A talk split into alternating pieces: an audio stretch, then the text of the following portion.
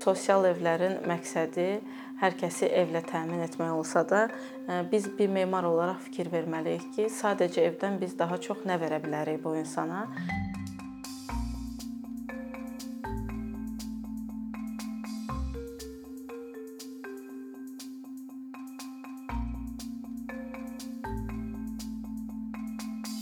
Sosial ev nədir? Sosial ev adətən ucuz ev olaraq görülür.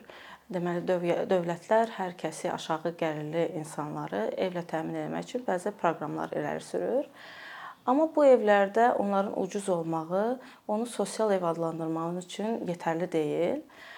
Məsələn, orda yaşayan bir insan əgər evindən işə getmək üçün 1 saat yol vaxt sərf eləyirsə və ya 3 fərqli nəqliyyat vasitəsi dəyişirsə, bu artıq o insanın həyat keyfiyyətinə təsir eləyir və buna biz sosial ev deyə bilmərik. Və yaxud əgər o insanın evin ətrafında zaman keçirəcək, istirahət edəcək parkı və məkanı yoxdursa, məktəb yoxdursa, yenə bu o insanın həyat keyfiyyətini aşağı salır. Belə başqa bir problem də olur ki, bir çox yerdə Burada limitli büdcəli evlərdən biz danışırıq. Limitli büdcəli evdə də ən böyük büdcədə rol oynayan faktorlardan biri ərazinin qiyməti olur. Ərazi də ucuz olduğu üçün bu evləri çox vaxt şəhərdən çox kənarda tikirlər. Və bu da bəzi problemlərə yol açır. Məsələn, əgər siz müəyyən bir sosial təbəqəli eyni insanları şəhərdən kənar bir yerə birlikdə yerləşdirmisinizsə və şəhər mərkəzi ilə kommunikasiya çətindirsə, bu insanlar şəhərə inteqrasiya olunmaya bilərlər və orada ayrı qapalı bir icma yarana bilər. Hətta bəzi ölkələrdə belə evlərə giriş belə çətin olur kənardan gələn şəxslərə. Bu kimi problemləri bəzi ölkələr yaxşı çıxış yolu tapıblar bu problemlərə. Məsələn, Hollandada belə bir layihə var dövlət tərəfindən hər bir investor ev tikəndə məcburdur ki, o evi müəyyən bir faizini sosial bir ev olaraq satsın və aşağı qiymətə satır. Bu evlər xüsusi olaraq seçilmir, təsadüfi olaraq seçilir. Ona görə evlərin keyfiyyəti də yüksək olur. Aşağı keyfiyyət və aşağı büdcəli evlər olmur və bunlar fərqli-fərqli yerlərdə yerləşdirdiyi üçün o insanlar cəmiyyətə inteqrasiyasında da problem olmur o insanların. Daha başqa bir yanaşma Danimarkanın Kopenhagen şəhərində var. Bu daha çox kirayələrlə bağlıdır. Məsələn, orada dövlət belə bir qayda qoyub, əgər şəhərin mərkəzində tarixi bir evi kirayə verirsinizsə, siz onu müəyyən bir limitə qədər yüksəldə bilərsiniz kirayəsini.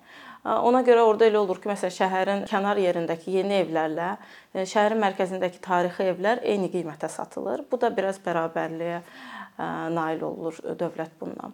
Bəs e, bu e, dövlətin e, etdiyi siyasətlərdir. Bəs biz memar olaraq biz buna nə edə bilərik və necə yanaşa bilərik bu sosial evlərə?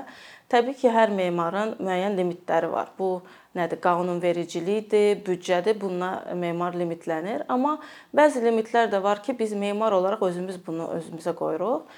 Məsələn, ev evləri hamısını qutu şəkildə etmək və otaqları bölmək, divarlarla mütləq bölürük. Otaqların funksiyası çox zaman biz standarta uyğun yataq otağı, oturma otağı və s. funksiyalara bölürük və bunu biz standart şəkildə edirik.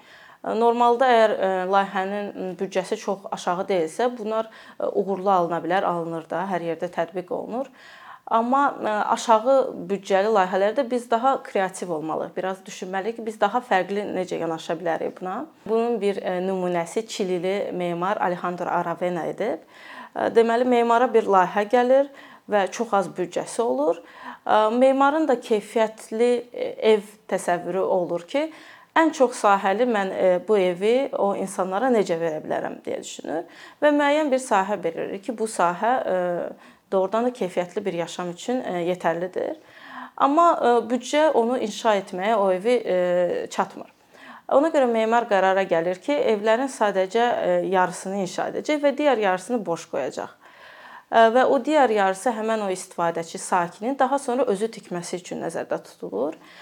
Çilidə də bu gecə qondu mədəniyyəti və insanların özünün ev tikməsi çox populyar olduğundan bu layihələr çox uğurlu olur. Demək olar ki, 1-2 ay ərzində onlar bütün evləri tikirlər. Daha sonra Meksikada və başqa şəhərlərdə də bir neçə bu memar bu layihəsini icra edir. Əslində buna bənzər bir konsept əgər biz baxsaq Azərbaycanda SSR zamanı e, tikilən evlərə, məsələn mikrorayonlarda və s. ki biz bunları da sosial ev e, adlandıra bilərik. Orada da insanlar özləri planda dəyişiklik edir. Demək olar ki 90% evdə ya balkonla otağı birləşdirir, ya otaqların arasını açır, ya otağı böyüdür, yenə məkanı dəyişdirmək üçün fərqli şeylər, inşaatlar eləyirlər. Ona görə bu konsept Azərbaycana da bir şəkildə uyğunlaşdırıla bilər. Təbii ki, memar əvvəldən öncədən öngörməyə çalışır, ordakı insan hansı məkanı necə istifadə edəcək. Amma o nə məkanların lazım olduğunu daha çox sakin bilir və belə layihələr daha asan dəyişiklik eləməyə kömək edir. Daha bir layihə isə Barselonalı İspan şirkəti Lacol tərəfindən icra edilib. Onların biraz fikri daha icma yönümlü fikir olduğundan onlar daima insanlarla ünsiyyətdə olur və onların tələblərini öyrənməyə çalışır. Və onlar düşünür ki, biz əgər bu sosial ev eləyiriksə, bunu şəhərin mərkəzinə yaxın eləməliyik. Şəhərin mərkəzinə yaxın elədikdə təbii ki, ərazinin qiyməti və s. bunlar bəzi məkanda dəyişikliklər etməlidir və normadan kənar daha limitlər gətirməlidir. Bu limitləri də onlar necə həll eləyiblər? Evdəki bəzi məkanları müştərək məkan olaraq istifadəyə veriblər. Məsələn, bu insanların paltar yuduğu, paltar asdığı yer və ya istirahət elədiyi yeri birlikdə istifadəyə açıblar və insanlara daha balaca özəl məkanlar düzəldiblər. Bu daha çox kirayə şəklində verilir. Amma yenə də İspaniyada bu çox uğurlu olub. Çünki sizin özəl e, bir məkanınız var balaca, amma e, eyni zamanda eviniz bütünlüklə balaca deyil. Çünki evin ortasında çox böyük açıq məkanlar var. Siz orada zaman keçirə bilirsiniz, hətta işləyə bilirsiniz. Məsələn, tələbələr üçün və ya evdən işləyən insanlar üçün e, məkanlar var. Ona görə bu konsept də çox uğurlu davam edir hal-hazırda. Başqa üçüncü önəmli bir husus da odur ki, Əgər biz bir ev e, layihələndiririksə, bu ev çox ucuzdur, deyək ki, e, komfort səviyyəsi də sağlanıb, amma e, sabah bu istifadəçi bu evdə enerji, bu onu isitmək üçün çox enerji sərf eləyir və ya onu işıqlandırmaq üçün həddindən artıq çox enerji sərf eləyir. Bu da artıq sosial ev olmur. Çünki o insanı sadəcə siz ucuz evlə təmin etmiş olursunuz, amma daha sonrakı zamanda o daha çox resurs istifadə eləyir o evi yaşatmaq üçün, istifadə eləmək üçün.